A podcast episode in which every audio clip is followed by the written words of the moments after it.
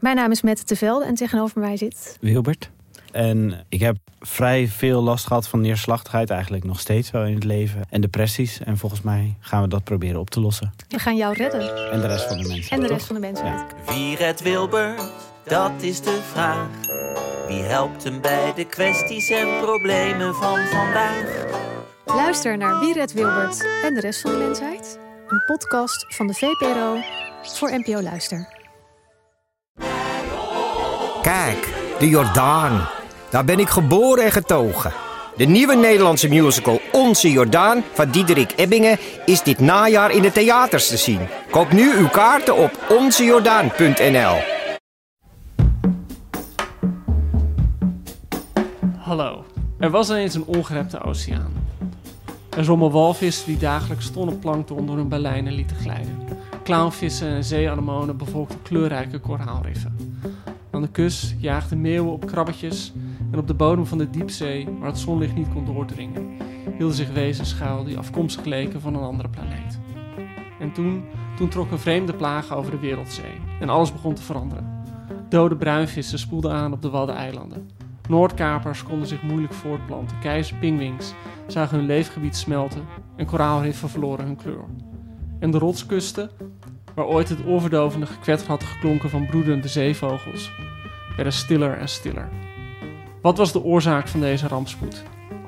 In het openingshoofdstuk van Silent Spring, haar klassieker over de schadelijke gevolgen van overmatig pesticidengebruik, geeft Rachel Carson een antwoord dat ook hier toepasbaar is. No witchcraft, no enemy action had silenced the rebirthing of new life in this stricken world. The people had done it themselves. Rachel Carson, auteur van De Zee, nu vertaald. Zo begint ongeveer wat ik nu net voorlas, het voorwoord van Jaap Tielbeke. Bij De Zee van Rachel Carson vertaalde Nico Groen. En dat is een titel, dat moet ik even voor de vorm kort uitleggen. Die is opgenomen in de Paradigma-reeks. En dat is een reeks eh, die uitgeverij Atheneum Polak van Gennep samen met de Groen is gestart. Waarbij we een serie non-fictieklassiekers hebben geselecteerd om opnieuw uit te geven. Of voor het eerst te vertalen. En dat zijn een soort boeken, moeten dat zijn, die ons denken hebben veranderd. Mijn naam is Joost de Vries, ik ben adjunct hoofdredacteur bij De Groene. En ik heb twee mensen bij me om over Rachel Carson te praten. Zie, de eerste is Jaap Tielbeke, onze eigen Rachel Carson van Groen Amsterdammer. Eh, hij heeft internationale betrekkingen gestudeerd in Groningen, filosofie in Antwerpen en Nijmegen. En je bent ook nog eens geboren en, en opgegroeid in eh Ede-Wageningen, toch? Apeldoorn. Apeldoorn, oh, nou. Ik dacht Close dat enough, close enough. kende, Ja, maar vol verrassingen. hoe ben jij gewoon al vanaf je van kinds af aan met je neus gewoon in de groene gras? eh, en Jaap schrijft erbij, moet ik zeggen, over klimaat al jaren. En tegenover me zit Arita Baaiens, bioloog, schrijfster, reizigster, wereldreiziger moet ik zeggen. Je bent heel veel in de woestijn geweest, heel veel over geschreven. Boeken als Woestijnnomade en een regen van eeuwig vuur. En daar ken ik jou persoonlijk eigenlijk van, dat je op een gegeven moment een, een, een soort transfer hebt gemaakt van de woestijn naar de zee. Eh, met een, ja, een heel bijzonder filosofisch taalexperiment. Taal voor de toekomst in gesprek met de Noordzee. Waarin je eigenlijk op zoek bent naar een manier om de zee een stem te geven. Zeg ik dat zo een beetje? Ja, ja, en het grappige was, teruggrijpend, ik ben dus eh, opgegroeid en geboren in Ede, in de bossen. Oh, wel, oké. Dus het is bizar dat ik in een woestijn terechtkom en bij de zee eigenlijk. Ja. Maar eh, nee, het klopt wat je zegt. Wanneer kwamen jullie voor het eerst Rachel Carson tegen? Ja, ik kende haar zoals zoveel mensen, denk ik, vooral vanwege die klassieker Silent Spring. Maar het eerste boek wat ik van haar las was de Engelse versie van dit boek, wat net vertaald is. The Sea Around Us heet dat. En dat was een aantal jaar terug. Toen schreef ik voor De Groene ook een groot stuk over de staat van de oceanen. En ik was een beetje aan het onderzoeken van wie hebben daar nou over geschreven. En toen kwam ik tot mijn verrassing, want dat wist ik helemaal niet, dat Rachel Carson een trilogie had geschreven over de zee. En dit tweede deel, Sea Around Us, is het meest bekend. Ehm, en dat ben ik toen gaan lezen en dat vond ik echt, ja, eh, ontzettend boeiend. Vooral omdat ik verwachtte, Carson had toch een beetje de reputatie van iemand die zich heel erg, die heel erg doordrongen was van de verwoestende kracht van de mens op de natuur. Maar dat sprak eigenlijk helemaal niet uit dat boek. In dat boek schreef ze vol ontzag en verwondering over de zee. Het was echt een biologische blik, maar ook een hele literaire pen. Waarmee ze het hele zeeleven ontleden. En ook gewoon, ja, dat boek. ehm, ze zag de zee echt als een soort moederschoot van al het leven. En dat vond ik ontzettend interessant. Ook omdat het ja, heel haaks staat bijna op hoe we nu naar de zee kijken. Niet meer als een soort onwrikbaar eh, oceaan eh, die onverstoorbaar is. eh, en Ja, mensen, waar we allemaal nietig ten over zijn. de mens ja. is niet echt ten opzichte van die grote oneindige watermassa. En er schuilen allerlei mysteries in het, onder het wateroppervlak. En nu zien we het ja, als toch iets waar de mensen een enorme invloed op hebben. En waardoor al het leven in de zee ook nog eens bedreigd wordt. Dus ja, dat, dat was voor mij mijn eerste echte kennismaking met de teksten van Carson. Ja. En voor jou, Rita? Ja, dat gaat echt heel ver terug, eh, eind jaren zeventig. Toen studeerde ik eh, al een tijdje biologie. En toen ben ik milieukunde als eh, bijvak gaan doen. Maar dat werd eigenlijk een langdurige exercitie. Maar onder andere door haar boek, The Silent Spring en de Club van Rome, wat toen ook al uit was. En ehm, vreemd genoeg, ik ben toen ook in die tijd eh, gaan duiken in de Rode Zee. Totaal verpletterd door die kleurenpracht en zo. Maar ik heb de boeken over de zee van Rachel Carson nooit gelezen. Tot ik nu werd uitgenodigd dat te doen. Dus ik, ik vond het wel een beetje vreemd eigenlijk. En eh, dat ik dat niet kende, die trilogie. En heel blij dat het nu heruitgegeven is in het Nederlands. Want het verdient echt eh, gelezen te worden. Hoe was het om toen in de jaren 70 milieukunde te studeren? Het was te gek, want eh, het was een, eh, ja, best een sombere tijd. Je had de zure regen, misschien kwam het ietsje later in de jaren tachtig. Maar die biologiestudie die ik deed, ik, ja, ik, het super interessant. Maar meneermotjes en hun levenscyclus en zo, wat moet ik daarmee? Ik vond mezelf ook niet echt een wetenschapper, omdat ik al die voetnoten en zo, daar was ik helemaal niet zo goed in. En toen kwam dus die eh, milieuproblematiek eh, meer naar voren. En toen ik dat ging studeren, was voor het eerst dat er gewoon ehm, meerdere disciplines diezelfde studie deden. Dus ik eh, was dingen aan het onderzoeken met mensen die rechten studeerden, antropologie, sociologie. En toen kreeg je een veel bredere kijk op die hele problematiek. Dus het heeft mij eh, eigenlijk gevormd als mens en als bioloog.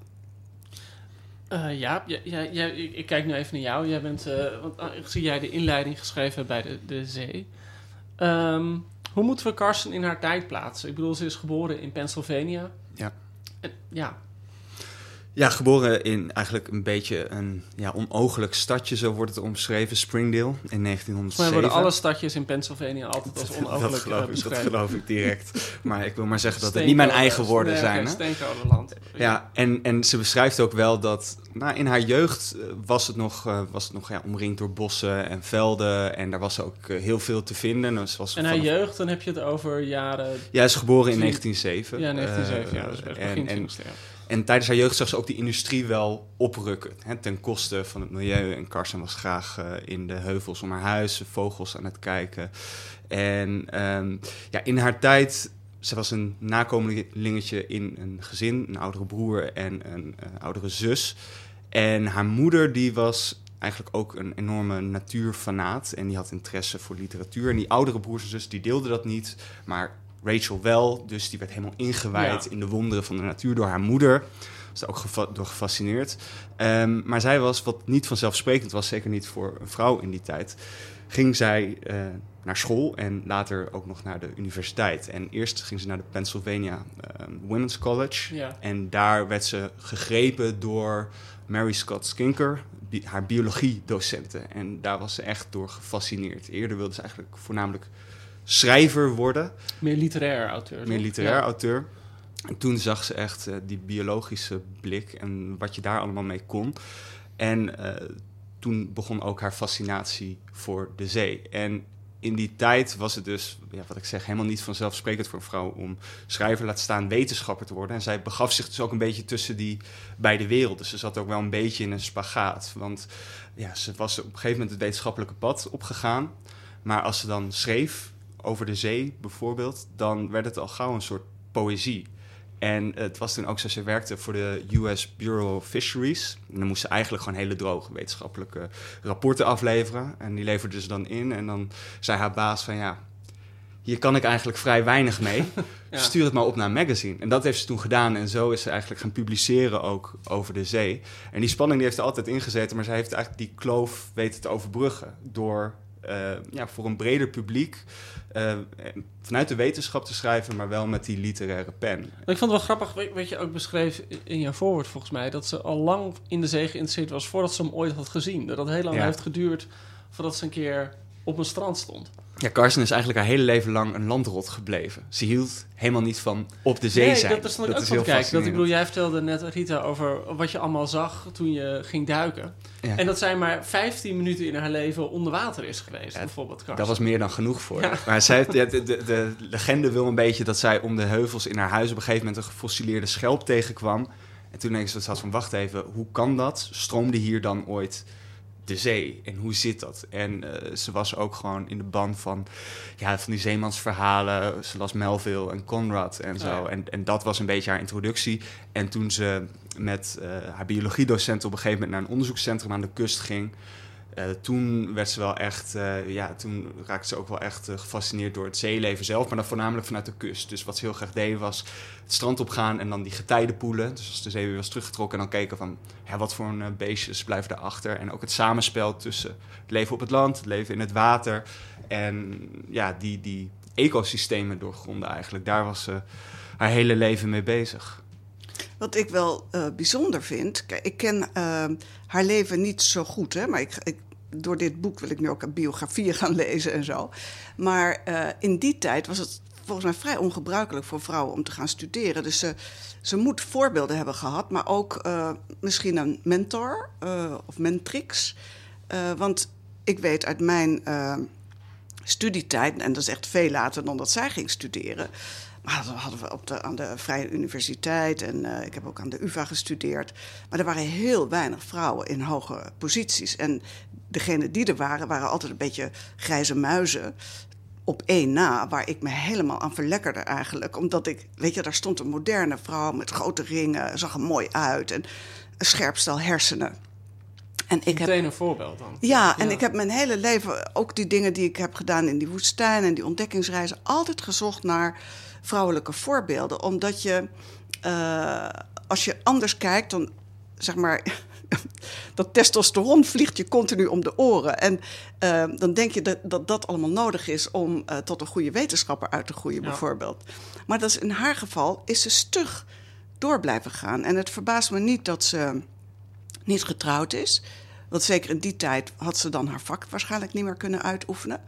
En ik moet ook denken aan een moderne Rachel Carson, eh, Sylvia Earle. Ik weet niet of jullie haar kennen. Zij is nu al behoorlijk eh, op leeftijd. En ik heb haar eh, een paar keer ontmoet. En die vrouw, dat is ook een marinebioloog... die ontzettend hard knokt om die oceaan en het belang daarvan... steeds weer op de voorgrond te krijgen. En ja, ik vind het geweldig. Dat, en er zijn er nog een aantal.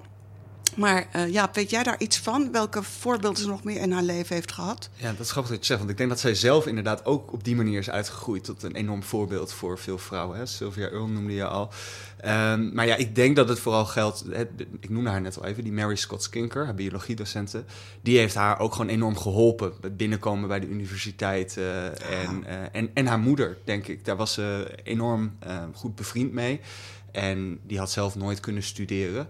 Maar die heeft haar wel altijd heel erg aangemoedigd en gestimuleerd om die intellectuele nieuw- nieuwsgierigheid te volgen. Ja. En eh, ja, zij heeft wel, denk ik, een, echt de weg geëffend voor velen die haar nagingen. Want nou ja, ook toen ze haar boeken schreef, ehm, de, ja, de ontvangst ging ook heel vaak dat, dat een vrouw dit geschreven heeft. Hè? Ja. Ze moest extra hard knokken voor de plek. Er Ja. is ook zo'n anekdote dat ze dan recensenten die dan schrijven van... ja, nou, wel, eh, wel opmerkelijk dat de vrouw dit geschreven. Wel eh, verrassend dat er geen auteursfoto eh, bij zat. Maar toen ik even ging opzoeken, zag ze er ook nog eens aantrekkelijk ja, uit. echt, Weet je? Dus daar heeft ook direct naar Het gekeken. gekke is altijd als je in de, in de archieven gaat zoeken van kranten. Je hoort altijd wel dit, dat, dat recensenten dit soort dingen geschreven hebben. En dan denk je, het zal niet. Je kan het je bijna niet voorstellen. En, ik heb het ook met, met, met. En dan ga je dus terug zitten zoeken. In, ik heb bij zelf in de krant. En dan sta je echt te kijken met een DD. Mannelijke recensenten in die tijd eh, over vrouwen schreven. Het gebeurt nog hoor. Ja, het gebeurt nog, maar misschien niet. eh, Toen was het zo, zo expliciet dat Ja. je bijna denkt van dat je dit durft. Dat, dat er nergens ergens iets, eh, iemand is waarvan je denkt van goh, ik moet me niet, zo mag ik me niet graag. Want zij is toen binnengekomen, Carson, bij de New Yorker. Ja. En New Yorker was en is nog steeds zo'n zo'n instituut. Heel chic, deur zit nauwelijks op een kier.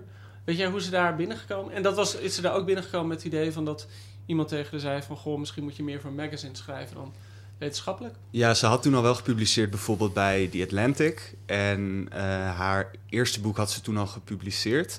Uh, Under the Sea Wind. Die kwam in 41 uit. En dat was eigenlijk, ja, dat was niet het succes waar ze zelf op had gehoopt. Ze hoopte ook dat dat financiële onafhankelijkheid zou geven, zodat ze zich volledig op dat werk en dat schrijven kon storten. Um, maar ja, zij, zij gaf zelf de uitgever de schuld dat hij niet genoeg had gedaan aan de PR-campagne. Zoals iedere schrijver ja, die teleurgesteld is met het uh, verkoopsucces. Wat ook niet hielp, was dat het uitkwam op het moment dat de Tweede Wereldoorlog in volle gang was. Ja, dus, nee, uh, dat, ja. Hè, ook een uh, constante dat dat soort dingen naar de achtergrond worden verdwenen door acute crisis. Um, maar toen zij dus begon met uh, The Sea Around Us, het tweede deel, toen bood ze dat al aan bij de New Yorker. En de hoofdredacteur toen, William Sean, die, ja, die, die, die zag daar direct wat in. Ze hadden trouwens eerst aangeboden bij, bij The Atlantic, uh, maar zij vonden het te poëtisch. Dus ze zagen het niet echt zitten. En toen dacht de New Yorker ja. van, nou, bij wij vinden dit wel interessant. En dat was ook het eerste profiel. Het werd in de categorie van Reporter at Large. Die had van die grote profielen schrijven. Ja, het eerste profiel op, ja. van een niet-mens. Dus het profiel van de zee. En dat was gelijk echt een hit. Dus ja, in die literaire kringen die, die allemaal New Yorker lazen... was in één keer een soort sensatie van wie is dit? En wie Ja. heeft dit geschreven? En de brieven stroomden binnen. En dat was echt het begin van haar, van haar faam eigenlijk. En was, betekende dat ook dat zij naar een moment toe kwam dat ze ook gewoon onafhankelijk als schrijver kon leven? Ja, dat was inderdaad haar grote doorbraak. En ook, eh dat bood ook inderdaad die financiële zekerheid, zodat ze zich daar volledig op kon storten. Tot die tijd werkte ze dus voor die Amerikaanse overheidsinstantie en moest ze dat een beetje combineren. En ze had ook eigenlijk, het was ook belangrijk, want ze had ook op, op vrij jonge leeftijd al een behoorlijke eh, verantwoordelijkheid naar het gezin toe. Haar vader was op jonge leeftijd overleden, haar oudere zus ook, waardoor ze ook zorg droeg voor, Voor de de moeder. moeder, en de, de, ehm, de eh, neefje, achterneefje moet ik zeggen. En ehm, ja, laten we dan over de zee hebben. Wa- wa- Wat is het nieuwe inzicht op dat moment? Mag ik iets voorstellen? Natuurlijk. Want we hebben het over haar literaire kwaliteit. Hè? En ik heb, ik heb genoten van de manier waarop zij die zee beschrijft. Zal ik gewoon Ja, één, eh, twee Ja, of drie zinnen eh, zeggen? En dan gaat het eh, zal tegen het eind van het boek over dat complexe, fantastische leven in de zee. En dan heeft ze het over een, eh, de relatie tussen beestjes die in de zee voorkomen en de getijden. Eh, en dan heeft ze het over een heel klein wormpje. Dus niet over een lieve dolfijn of zo. En zegt ze: eh, Tweemaal daags komt dat diertje uit het zand op de bodem omhoog, naar het zonlicht. En tweemaal daags zinken ze weer terug in het zand, zonder hersenen of wat wij een geheugen zouden noemen. En zelfs zonder duidelijke waarneming leeft Convoluta zijn leven in dit vreemde oord en herinnert zich in elke vezel van zijn groene lijfje het getijdenritme van de verre zee. Ja, daar spreekt verwondering Ja. uit voor de kleinste details. En dat kenmerkt haar. Hè? Dat ze dus niet eh, zoals zeg maar, het Wereld Natuurfonds het van de zeerobben moet hebben of Ja, van de ja, grote van de- dieren. Ja. Maar dat zij eh, verrast is door eh, dat ook al die kleine wezens, die diatomeeën, het plankton, hoe dat het grotere leven eh, voedt en hoe alles met elkaar in verbinding staat. En voordat we terugkomen op, wat, op het onderwerp wat je net aansneed. Maar wat mij enorm fascineerde was ook haar uitleg over de stromingen. dat die oceaan voor landrotten zoals wij zijn, of oeverlingen als je het dichterlijk zou willen noemen. Ja, die zee is heel lang zo'n grijze massa geweest. Maar als je kijkt naar die getijdenstromingen en hoe die met elkaar in verband staan. en dat er in die zee rivieren van water stromen. eh, zeg maar boven en onder elkaar, die van alles meenemen. En hoe dan die, die, die golven, die getijdenstromingen met de maan erbij en de zon helemaal op elkaar inspelen. Nou ja, als je dat allemaal leest, dan denk je echt. Wij hebben oogkleppen op van hier tot Tokio. Want het is echt een complexe eh, zee die eh, zeg maar, de thermostaat is van, van de aarde. Maar daarnaast ook van zichzelf reden van Ja. bestaan en recht van Ja. bestaan heeft. Dus dat heeft zij echt op een prachtige manier eh, beschreven. Die ook nu nog mij in ieder geval in vuur en vlam zet. En Volgens mij is dat ook precies het antwoord op jouw vraag. Wat het zo baanbrekend maakt en wat dat inzicht, wat zo revolutionair was in die tijd, is dat ze dat, ja, wat ik altijd met een mooi woord, het web des levens, vind ik zo'n mooie term daarvoor, dat omschrijft ze gewoon tot in het kleinste detail. Dus hoe alles met elkaar samenhangt. Hoe ieder tot een kleinste organisme een functie heeft in dat ecosysteem.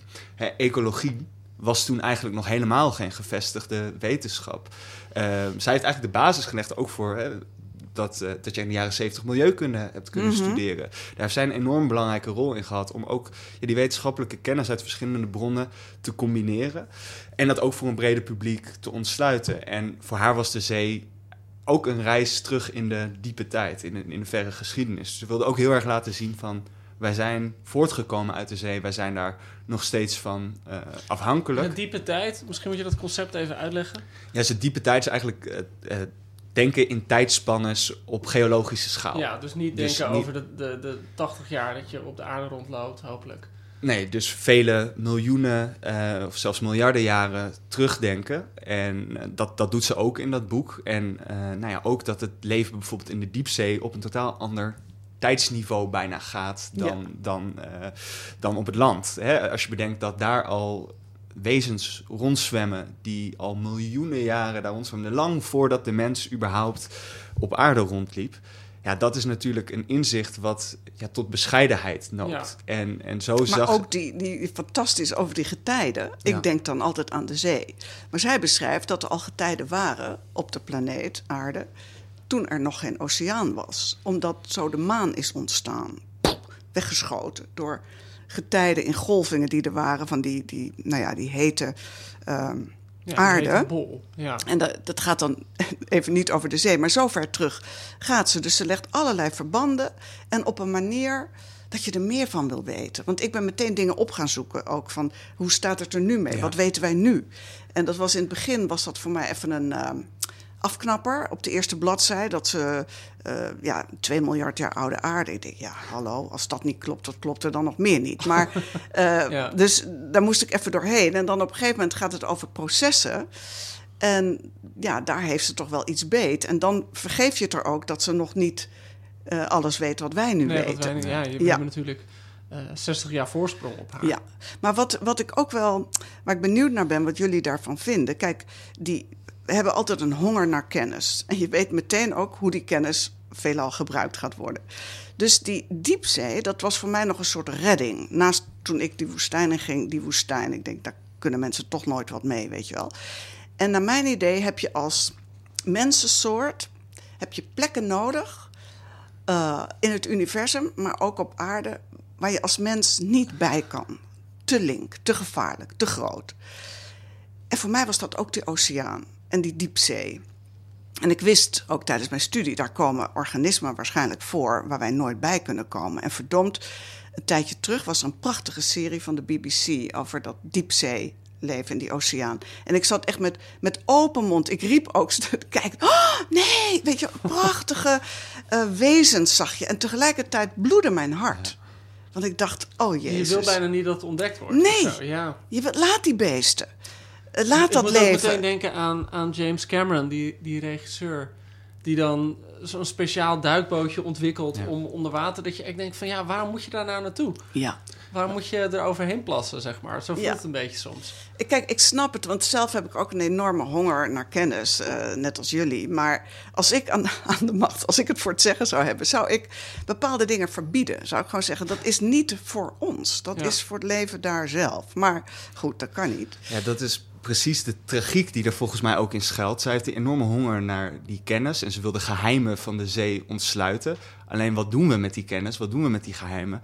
Hoe beter we de zee leren kennen, hoe beter we ook worden om het uit te buiten. Dus wat we nu doen is, we gaan naar de diepzee. Niet Ja. alleen om te ontdekken wat voor wezens daar rondzwemmen, maar om metalen te mijnen. ja. Om, om knollen waarvan zij al beschrijft dat die enkele millimeters in duizenden jaren groeien. Maar die kunnen wij niet goed gebruiken voor onze elektronica. Dus gaan we dat doen. En dat is, ja, dat vond ik ook zo opmerkelijk om dat te lezen. Dit boek schreef ze in 51. Dat is eigenlijk aan het begin van wat we nu de Great Acceleration zijn gaan noemen. Dus na de Tweede Wereldoorlog wat je eigenlijk komt de, de, de vooruitgang van de mens eh, komt in een soort stroomversnelling terecht. Dus je hebt al die grafiekjes van de omvang van de wereldbevolking en eh, de, de omvang van de, van de mondiale economie. eh, het materiële welzijn, die schieten allemaal Ja. de lucht in. Maar ook de uitstoot waarschijnlijk. Maar ook de uitstoot, dus ook de, de, de schaduwkant op ecologisch niveau. Of het nou gaat om broeikasgassen of om ontbossing of om de verzuring van de oceanen. Dat neemt dan ook allemaal een enorme vlucht. En zij staat precies in het begin van dat proces. En zij schrijft tien jaar later eigenlijk een, een voorwoord voor een nieuwe editie van dit boek. En daarin ziet ze die ontwikkeling, beschrijft ze die ontwikkeling. Dus ze zei, ik dacht in 51 dat de oceaan een soort ja, ongenaakbare plek was. Eh, en ook een plek die los stond van de mens. Eh, waar de mens geen grip op kon hebben en dus ook niet om zeep kon helpen. En inmiddels moet ik dat beeld bijstellen, Mm. want dat blijkt helemaal niet zo te zijn. En toen ging het natuurlijk ook heel erg het begin van het nucleaire tijdperk. Dus je had dan eh, van die eilandjes waar, eh, waar, waar proeven werden gedaan met eh, kernbommen. En daar dan, eh, waardoor de, de radioactieve tonijnen daar eh, rondzwommen. Elf jaar na de zee eh, in 1962 verscheen Silent Spring. Dat is de grote klassieker van Carson, die bijna iedereen kent. Eh, hoe is dat boek ontstaan? Ja, zij kwam op een gegeven moment, ze had natuurlijk veel contact met wetenschappers. En op een gegeven moment kwam ze op het spoor van ja, de invloed van pesticiden. En dan in het bijzonder DDT. Dat heeft een hele moeilijke lange naam die ik niet eh, heb, eh, uit mijn hoofd heb geleerd. Dus ja. dat, eh, maar dat is een bestrijdingsmiddel en dat werd eigenlijk al tijdens de Tweede Wereldoorlog ook gebruikt om luizenuitbraken tegen te gaan. En na de oorlog werd dat ontdekt door de chemische industrie om ongedierte te bestrijden. Op Om- gewassen. Op gewassen. Ja. En dat ging echt op een hele grove manier. Dus er werden gewoon sproeivliegtuigen en dan ook nog eens bijgemengd met eh, benzine. En dan werd dat gewoon massaal over velden uitgespoten. En het idee wat daarachter zit, is natuurlijk ook precies de houding waartegen Carson zit, zich verzet. Maar een houding die heel dominant was toen. Namelijk, de natuur is iets wat we onder controle moeten krijgen. De mens moet die grip op de natuur verstevigen, want alleen dan kunnen we bijvoorbeeld zorgen voor een eh, goede voedselvoorziening. En voor die bedrijven was het natuurlijk ook heel handig, omdat het een eh, lekker Ja, verdienmodel was. Dus ze spelen ook natuurlijk enorm eh, commerciële belangen mee. Zij kwam ehm, dat op het spoor en had daar veel contact over met wetenschappers. En op een gegeven moment dacht ze, ik moet hier gewoon helemaal in verdiepen en me daar volledig op storten.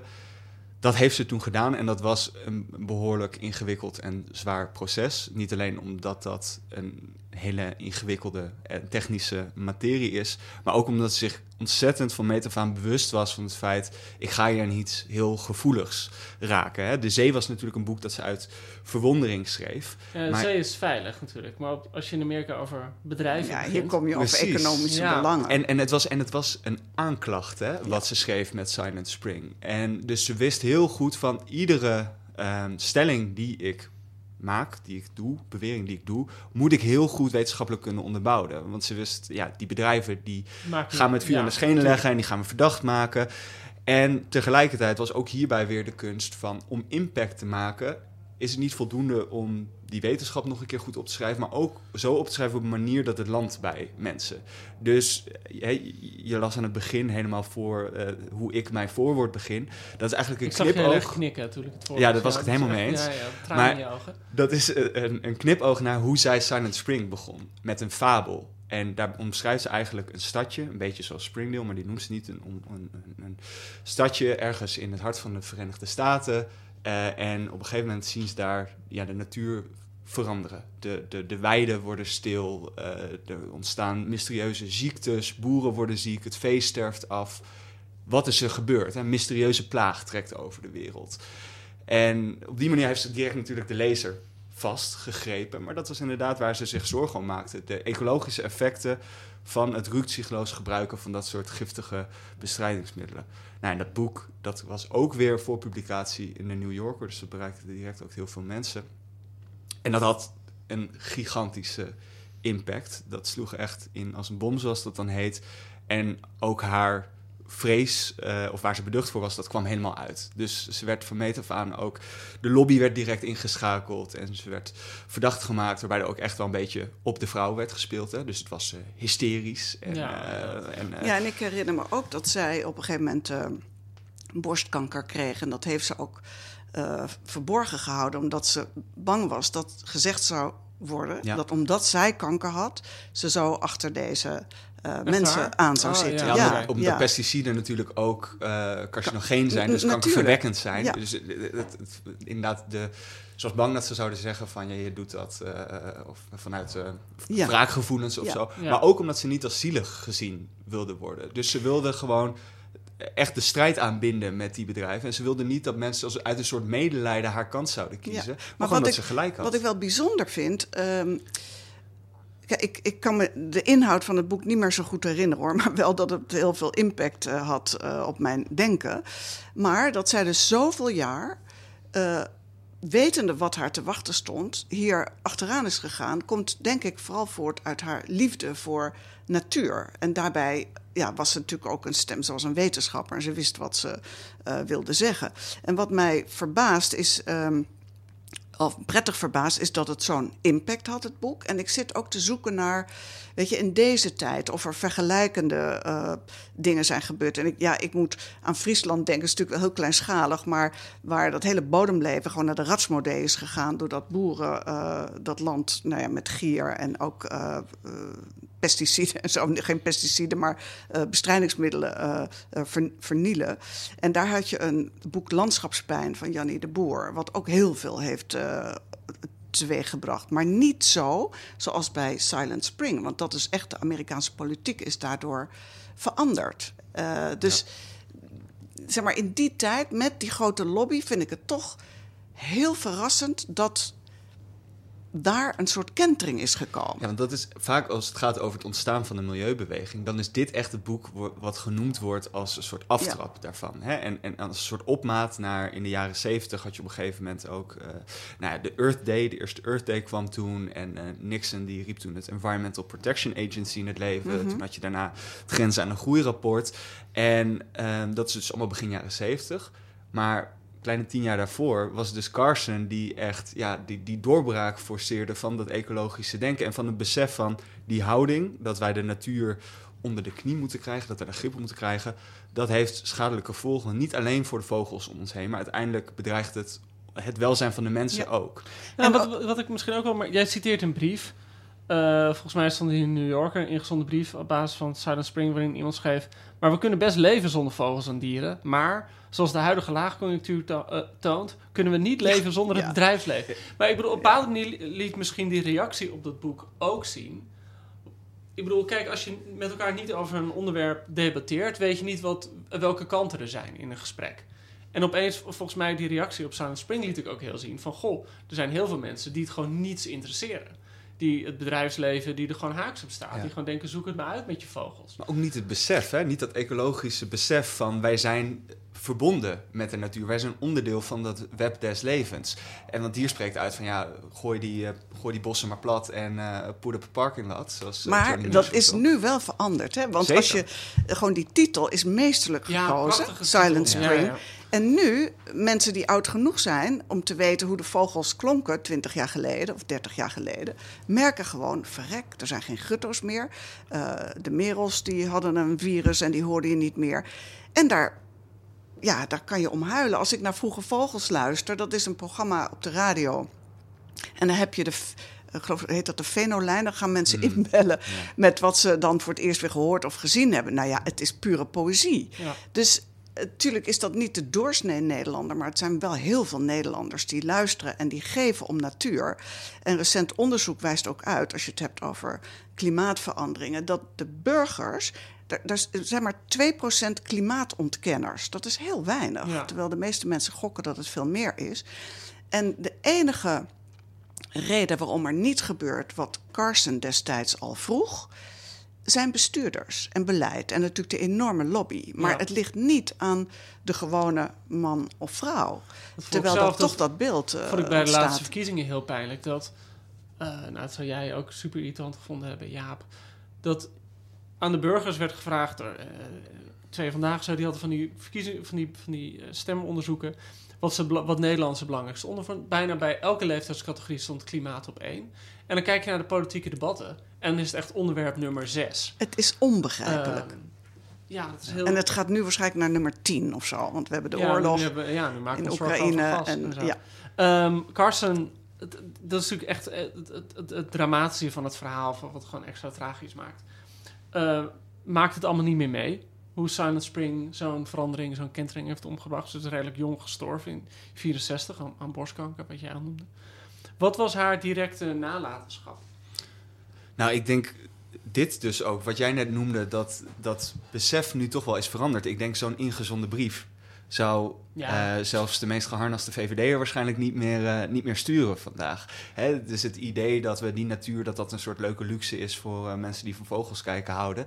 Ja, dat is onhoudbaar geworden. En dat blijkt natuurlijk ook keer op keer uit alle rapporten van ecologen, van biologen, van klimaatwetenschappers. En het is Carson die dat als eerste echt bij het grote publiek dat inzicht deed indalen. En we noemden net al de concrete gevolgen, de, de oprichting van de Environmental Protection Agency, ook eh, binnen Amerika verbod op dat bestrijdingsmiddel, dat DDT is er op een gegeven moment eh, gekomen. Ze kregen overigens ook superveel kritiek eh van mensen die zeiden, ja, maar je hebt ook daardoor heeft, heeft zij miljoenen doden op haar geweten, want dan was het idee van dat middel werd ook gebruikt om malaria-muggen te bestrijden. Oh, en ja. door een verbod Ja. daarop waren. Dus er wa- was direct ook heel veel eh, tegengas wat er werd gegeven. Maar zij was eigenlijk ook veel genuanceerder dan mensen haar eh, voorstelden. Ehm, ze pleitte namelijk niet voor een algeheel verbod, maar gewoon. Hè, ze zag ook wel ten dele de werking en het nut daarvan, maar pleit voor gewoon veel meer terughoudendheid, voor veel meer die bescheidenheid eh, van de mens. En ja, dat is denk ik, ik bedoel, bijna een vooruitziende blik geweest eh, van Carson. Dat die ontwikkeling die zij dan in 60 beschrijft van de mensen is eigenlijk nog helemaal niet zo nietig. Die is nog machtiger geworden wat te denken. En niet alleen op land, maar ook onder water laten mensen spoor van vernieling achter. Ehm, ja, dat besef is wel steeds meer doorgedrongen. Alleen de grote vraag is, waar we het net al over hadden, wanneer vertaalt zich dat naar beleid? En ik denk de houding dat die toch nog steeds heel hardnekkig is dat de mens wel grip moet krijgen. Ja, we gaan het zeker redden. Maar mag ik nog iets toevoegen over de, de directe eh, nalatenschap van haar? Ik denk gewoon haar persoon. Want een hele hoop van die rapporten, die zijn zeg maar, door commissies geschreven en zijn vrij anoniem. Dus natuurlijk dat rapport van de Club van Rome kent ook iedereen wel. En zo zijn er nog heel veel rapporten verschenen. Maar een hele hoop mensen tegen wie je zegt Rachel Carson, Silent Spring. Er komt dan een beeld van iemand die eh, ja, bijna een lone fighter, Ja. zal ik maar zeggen. En eh, ik denk dat het helpt om te weten, toen was er al iemand die dit allemaal bij elkaar heeft gesprokkeld en dat heeft gezegd. En ondanks alles wat we nu nog meer weten, gaat het nog steeds niet eh, de goede kant op. Maar voor, voor mij is zij vooral een, een gezicht en een, een boegbeeld wat helpt om het. Ja, om, om eh, alles wat in werking wordt gezet, om daar gewoon een, een persoonlijk eh, gezicht en, en figuur bij te zien. En dat je ziet, het kan dus uitmaken. Eén persoon die zich ergens voor inzet, want je voelt je vaak eh, machteloos. Maar als je dan weet waar je het over hebt en je hebt een goede pen en, en een netwerk, dan kun je daar toch een hele hoop mee bereiken. Ja, dat is het. Ik denk ook die communicatieve kracht. Want ik bedoel, we worden nu om oren geslagen met allerlei alarmerende rapporten. Maar ik weet niet of jullie het laatste IPCC-rapport eh, hebben, gele- hebben gelezen. Maar dat gaat natuurlijk niet bij een groot publiek. Die gaan niet die samenvatting lezen en dan denken, nou, nu Nee, vallen maar we ja, de schellen van de dat ogen. Het, het IPCC-rapport heet. Ja, precies. Eh, dat is ja, niet... Dat is eh, niet zo mooi als Silent Spring. Nee, en... en, en Sea Around Us. Dat, dat, dat, Ja, en boven- Precies, dat zijn grote verdiensten. Dat ze het met haar Ja. pen ja, echt invoelbaar weet te maken. Maar hè, de, Amitav Ghosh heeft daar een, beroemd essay, of een beroemd, dat is wel echt een, een ken- kenmerkend essay van de laatste tien jaar, The Great Derangement, waarin hij schrijft, de klimaatcrisis is ook een crisis van onze verbeelding. En op een bepaalde manier kunnen we het ons niet voorstellen. We weten niet, en hij spitst het, Ghosh spitst het heel erg toe op literatuur, je kan geen grote roman schrijven over eh, klimaatcrisis, omdat het zo'n abstract onderwerp is. Op een bepaalde manier voelt het ook heel erg aan. En volgens mij is we zaten net in de pauze eventjes wat voor te lezen uit het boek. Er staan zoveel prachtige zinnen in. En, en hoe belangrijk is het om met, met een ander soort verbeelding over het klimaat te schrijven. En Arita, jij bent daar natuurlijk helemaal mee bezig Ja. met jouw project Taal voor de Toekomst. Ja, om diezelfde reden. Omdat ik ehm, merkte dat in, eh, in Nederland, in vergelijk met de plekken waar ik vaker kom, waar mensen met natuur praten, maar in Nederland praten we erover, dus over de zeeën. Dus ik dacht, wat zou er nou gebeuren als we de zee nemen, want dat is heel bepalend voor het ontstaan van Nederland, voor onze cultuur en de economie. Stel dat we die zee zouden kunnen verstaan. Zouden we dan anders gaan oordelen over die zee? En uh, zouden we die, de zee, de Noordzee, dan niet meer als een groot industrieterrein zien... waar we windmolenparken kunnen neerpleuren en zo... maar gewoon ook die vissen vragen wat ze willen. Het klinkt natuurlijk bezopen, maar uh, het kan. Dus er is een... Uh, algoritme, een lerende taalmachine die we hebben getraind namens de zee te spreken. En het is een, wat jij al zei, filosofisch experiment. Dus het is niet echt de zee die dat denkt, maar stel dat die zee dat zou kunnen zeggen. En hebben het afgelopen jaar met heel veel mensen mochten vragen stellen aan die Ja, zee. nee, en dat is gebeurd. een oproep geplaatst. Precies, en die schrijfactie. En Ja. eh, nou, dat- daar, daar komt nog een vervolg op in de vorm van een boek. Maar zal ik eh, gewoon eens wat voorlezen? Ja, maar vertel ook even hoe, hoe dat dan precies tot stand is gekomen. Die, want die, ja, Ja. die voor, ja, ik, ik, ik, ik heb ze in de eerste stadium al gelezen. Het is echt pure poëzie. Vaak. Ja. Ik bedoel, het experiment zelf. Ja. Nou, omdat ik merkte dat in, in bijvoorbeeld Siberië... daar hebben mensen het over eh, bergen die bezield zijn... over de rivieren waar ze mee zingen... over bloemen die je niet zomaar mag plukken en zo. En dat vond ik in het begin natuurlijk wel heel aandoenlijk en aardig. Maar ik dacht, nou ja, goed... Ja, eh, folkloristisch is het ja, bijna. Ja. En naarmate ik daar vaker kwam, dacht ik: Goh, Bayens, jij hebt altijd dat, dat wetenschappelijke stemmetje. wat dan overal commentaar oplevert. Hè? Van ja, leuk, maar kan niet, hoort niet, past niet en zo. Hoe kun je het bewijzen? En toen dacht ik: stel nou dat zo'n hele cultuur ja, gelijk heeft. Want waarom zouden ze allemaal ongelijk hebben? Zij zien een berg die leeft en die met hen spreekt. Alleen ik ben de enige hier die afwijkt.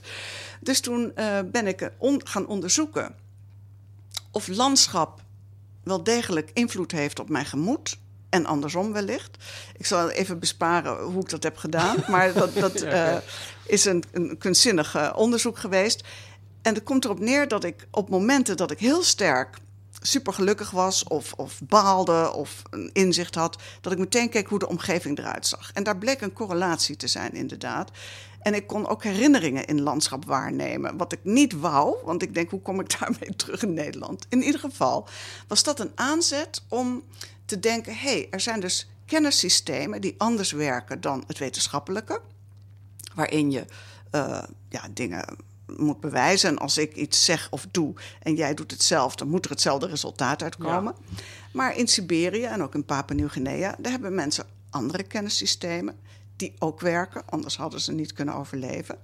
Dus mijn gedachte was, als zij met vogels kunnen babbelen en met die bergen, en daar zag ik uit dat zij ook met respect dan die omgeving benaderen. Het zijn geen, weet je wel, geen ideale samenlevingen, maar in ieder geval, als we zouden leven zoals zij, zou de toekomst er wel anders uitzien.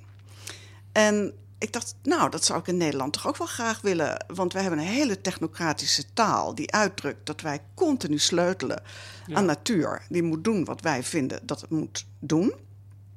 Maar wij vragen nooit iets aan die natuur. We bedanken die natuur ook nooit. En we praten alleen maar over en niet met. Dus ik dacht, we gaan praten met de zee. Maar hoe dan?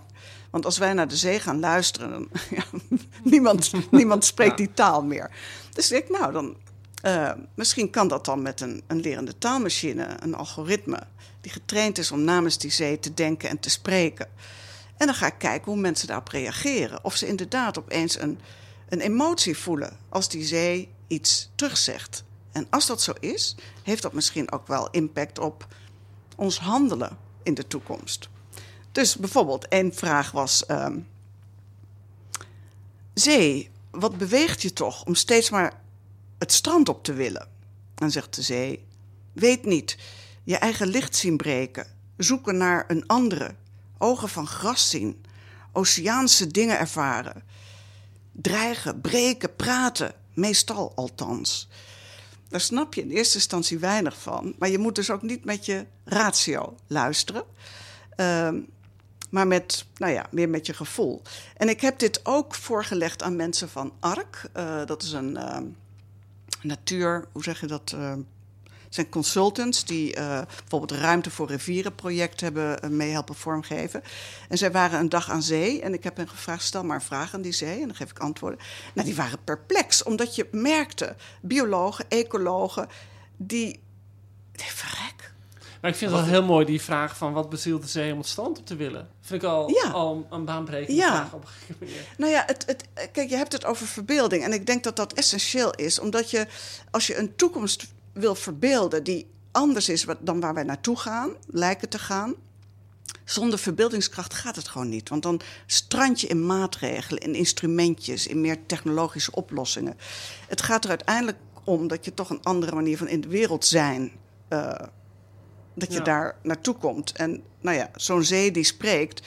Ik ben anders met die zee eh, omgegaan, zal ik maar zeggen. Dus ik denk, ja, ik kan niet iedere bestuurder Ja, mee maar naar die zee nemen. je Maar partner in zo'n Ja. project. Dat is natuurlijk ook heel iets ja, anders.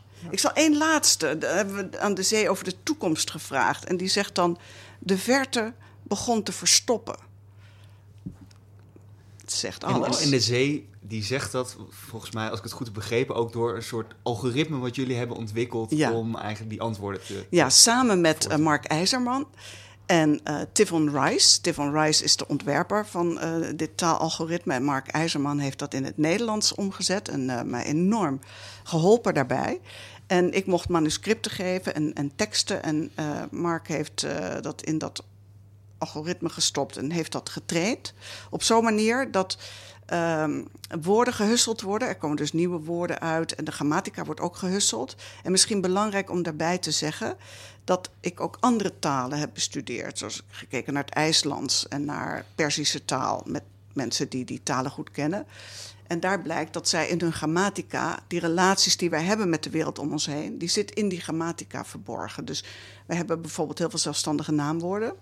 Dus dat zijn aparte dingen.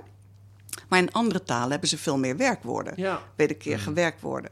Dus om maar aan te geven, Ja, zo'n het werkwoord kan. doet mee. Dat, dat Precies. Een, een, een, ja, zelfstandig naamwoord staat zo apart. Ja. Ja. Want, want ja, Jaap, je hebt er volgens mij ook wel veel over geschreven hoor. Dat, dat, dat is natuurlijk een van de. Kijk, een soort van kenmerkend element van de westerse beschaving is, zeker in Nederland, het overwinnen van de zee. Het overwinnen van het landschap, of het in ieder geval naar onze hand zetten. Dat, op een bepaalde manier is dat de basis van ja, zoveel westerse landen op. Bedoel, Ja. Het is heel moeilijk om te bedenken hoe je daarmee breekt. Nou, daar hoef, breekt, daar hoef je helemaal niet mee te breken. Want ik denk dat het vrij natuurlijk is. Eh, ik, ik, ik ageer ook niet tegen. Maar ik zeg, als er niks naast staat... dan heb je wel de indruk dat wij alles mogen doen eh, wat ons goed dunkt. Terwijl de zee is een massa water. Maar daar zitten dus ook plankton, daar zitten vissen... daar zitten wieren en algen in. En die hebben, wat mij betreft, eh, recht van zijn.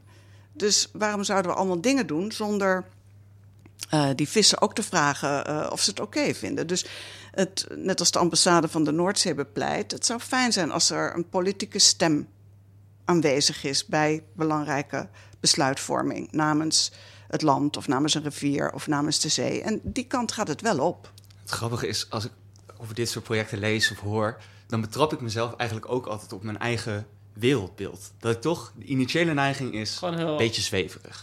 Weet je wel? En eigenlijk dat stemmetje wat jij in je, Ja. in je eigen hoofd hoorde van... ja, maar wat kan je daar nou mee bewijzen en wat schieten we daar nou mee op? Misschien leuk voor een kunstproject, maar wat brengt het ons dichter bij kennis en oplossingen? Weet je wel? Dat is de initiële skepsis die ik bij mezelf proef.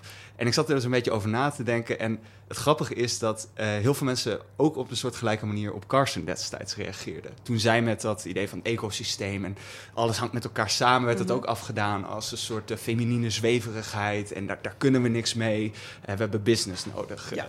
Dus het is grappig om dan te merken van hoe vastgeroest je ook zit in je eigen kijk op de wereld. Ja, het is eh, leuk dat je het zegt en ook eh, goed. Want ik denk dat de, taal die ik probeer te ontwikkelen heel erg aansluit bij Carson en haar visie op ecologie. Dus het is, ja, het is totaal niet zweverig. Het is als je talen ontleedt, dan zie je dat in die taal zitten verborgen aannames en overtuigingen. En het leuke van zo'n taalproject is dat je moet erkennen dat onze taal doordrongen is van de idee dat wij aan het stuur staan. Ja. En dat, dat is gewoon niet Maar meer het zo. past ook mooi in deze tijd. Hè? Want de laatste jaren eh, zeker. Ik bedoel, er wordt natuurlijk heel veel nagedacht over taal. En wat voor impliciete aannames er zitten. Bijvoorbeeld over man en vrouw. En over eh, witte mensen en zwarte mensen. Ik bedoel, we zijn heel erg bezig naar die taal te kijken als... Ja, een, een arsenaal waarin zoveel verstopt zit... wat we zelf niet eens soms in de gaten hebben. Dat het ook wel opmerkelijk is... En, dat, en volgens mij is, ik bedoel, als we toch een beetje naar positief iets toe moeten, is dat nu wel aan de hand. Dat je, dat je ziet dat een ambassade van de Noordzee is een voorbeeld, eh, taal van de toekomst is een voorbeeld. Dat je echt probeert na te denken van hoe geven we de, sta- de taal een stem. Ja. Ik was heel erg verheugd dat bijvoorbeeld eh, een, een, een fictieschrijver als Richard Powers een enorm succes had met de Overstory. Een roman heeft hij de Pulitzer mee gewonnen. Een roman waarin ja, eigenlijk bomen eh, het maatgevende ding zijn. Ja. En, en dus het interessante is ook dat dat zelfs binnen het recht begint door te dringen. En dat is natuurlijk eigenlijk een discipline waarin het gaat over logisch beargumenteren en redeneren. Maar zelfs daarbij heb je Ja. nu initiatieven die zeggen eh, in China dat de rivier rechten heeft of dat we namens bossen moeten gaan eh, procederen en zo. Dus het is heel interessant hoe dat ja, maar ook in allerlei- de, in de harde biologie nu. Hè? Ja, Dus die communicatie, er is een, een, een eh, faculteit of een instituut mens-dierrelaties eh, eh, in het leven geroepen. En die vind je ook in andere landen. Dus eh, je ziet echt in de wetenschap, in de kunsten, eh, iedereen, studenten, iedereen is met deze thema's bezig. De enigen die zich er niet mee bezighouden zijn de, zeg maar, de bestuurders en de politici. Maar ik zie gewoon, het is, het is een hele grote beweging aan het worden. En nou ja, wij hebben het er nu ook over. En het mooie is met die verbeelding, denk wat ik wat, als laatste wat ik daar belangrijk aan vind, is dat het mensen ook eh, sparkles bezorgt. Je kunt ook met plezier met deze dingen bezig zijn, zonder je meteen helemaal 100 kilo op je schouders te hoeven dragen. En dat heeft Carson ook gedaan met haar mooie manier van schrijven. Dat je ook, hè, je gaat op de, de ratio van dit en dit is er aan de hand, maar daarnaast die literatuur die je ruimte laat om, nou ja, na te denken over het mooie van die zee. en die verwondering. Dat die vind ik zo mooi dat verwondering. Ja. eh, ja, dankjewel dat je er was. Maar ja, je bent hier altijd. want We zitten gewoon op de van De Groene. Dus het is een kleine moeite van je om even de trap af te komen. Eh, Arita, fijn je weer te zien. Ik ben heel benieuwd naar hoe Taal voor de Toekomst verder gaat. Maar dat gaan we vast eh, lezen. Zeker.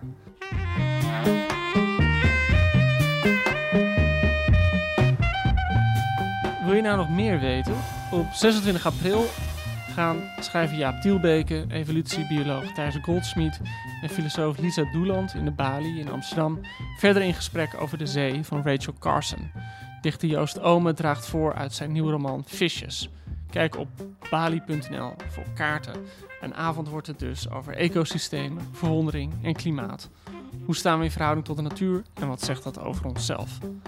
Dit was een podcast van de Groene Amsterdammer. In samenwerking met uitgeverij Atheneum, Polak en Van Gennep. De Zee is nu verkrijgbaar in de winkel. Mijn naam was en is Joost Vries. En deze podcast is gemaakt door Giselle Mijnlief.